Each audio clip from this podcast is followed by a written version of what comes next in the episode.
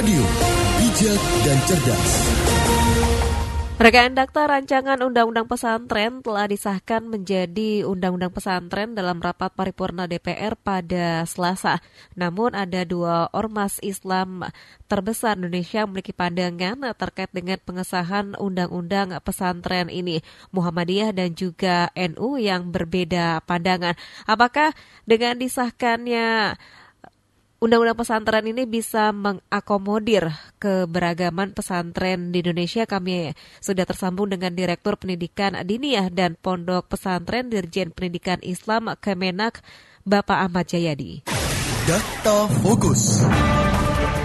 Assalamualaikum Pak Jayadi. Waalaikumsalam warahmatullahi wabarakatuh dengan Mbak Ulfi ya. Iya benar. Pak Jayadi meskipun sudah disahkan tetapi menjadi polemik tersendiri antara NU dan juga Muhammadiyah. Bagaimana uh, dari Kemenak ataupun dari pemerintah mengakomodir keduanya ini? Iya, terima kasih Mbak Ulfi. Jadi pertama tentu kita harus kembalikan bahwa pesantren itu kan pendidikan masyarakat ya, yang memang telah tumbuh berkembang di masyarakat. Uh, lalu karenanya kemudian dengan undang-undang ini sesungguhnya kita pengen mengembalikan pesantren sebagai pesantren kira-kira seperti itu yang di dalamnya memiliki tiga, tiga fungsi. Ada fungsi pendidikan ada fungsi dakwah lalu ada fungsi pemberdayaan sosial kemasyarakatan. Ini dari sisi fungsi sejati dari sebuah entitas yang disebut dengan pondok pesantren. Lalu dalam konteks apa namanya undang-undang tentang pesantren sesungguhnya dalam undang-undang ini begitu sangat terbuka Iya. Terutama ketika eh, apa namanya harus merespon dinamika kelembagaan pesantren yang ada. Lalu juga eh, dalam undang-undang pesantren itu begitu sangat menghargai terkait dengan ragam dan varian dari kelembagaan pondok pesantren. Oleh karenanya, maka kalau kemudian kita cermati dari pasal 5 yang ada, eh, apa namanya, jadi ya pasal 5, itu ketika berbicara terkait dengan eh, apa ragam pesantren, pesantren itu terdiri dari tiga, tiga, tiga jenis. Ada pesantren yang menyelenggarakan pendidikan dalam bentuk kajian kitab kuning. Iya. Ini yang dulu kita sebut sebagai pesantren salafia. Kemudian yang kedua ada pesantren yang menyelenggarakan pendidikan dalam bentuk dirosa Islamnya dengan pola pendidikan mu'alimin. Ini contohnya gontor dan segala macam yang dulu sering kita sebut sebagai pesantren modern. Lalu yang ketiga, ini ada pesantren yang menyelenggarakan pendidikan dalam bentuk lainnya yang terintegrasi dengan pendidikan umum. Nah, varian yang ketiga ini saya kira begitu sangat terbuka dan mempertimbangkan keragaman dari apa namanya kelembagaan pondok pesantren itu sendiri.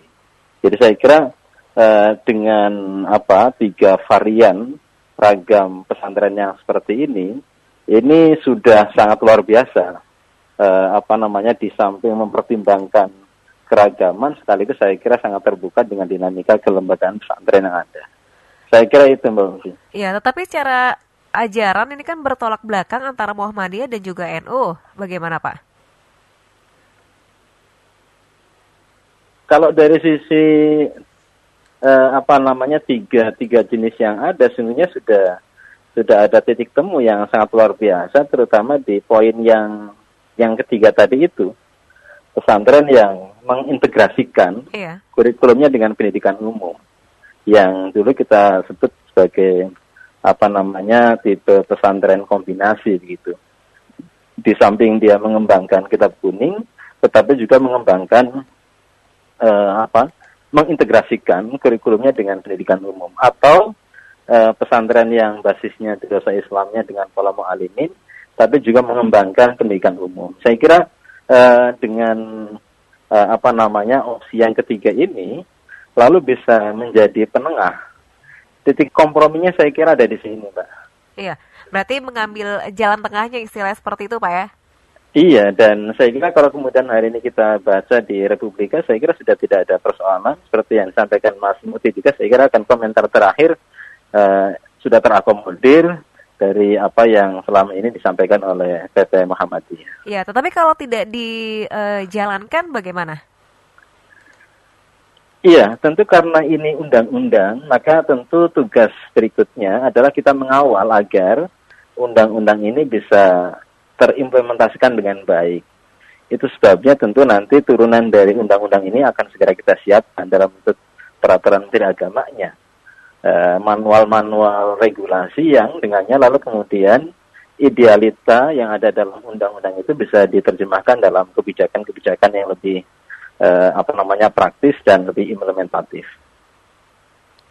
Iya, jadi uh, Pak bagaimana uh, untuk pembahasan uh, kita balik ke belakang terlebih dahulu Pak, awal mula dari uh, rancangan undang-undang pesantren ini. Apakah memang sudah uh, duduk bersama antara uh, DPR, pemerintah, lalu dari uh, berbagai ormas dan sebagainya, Pak?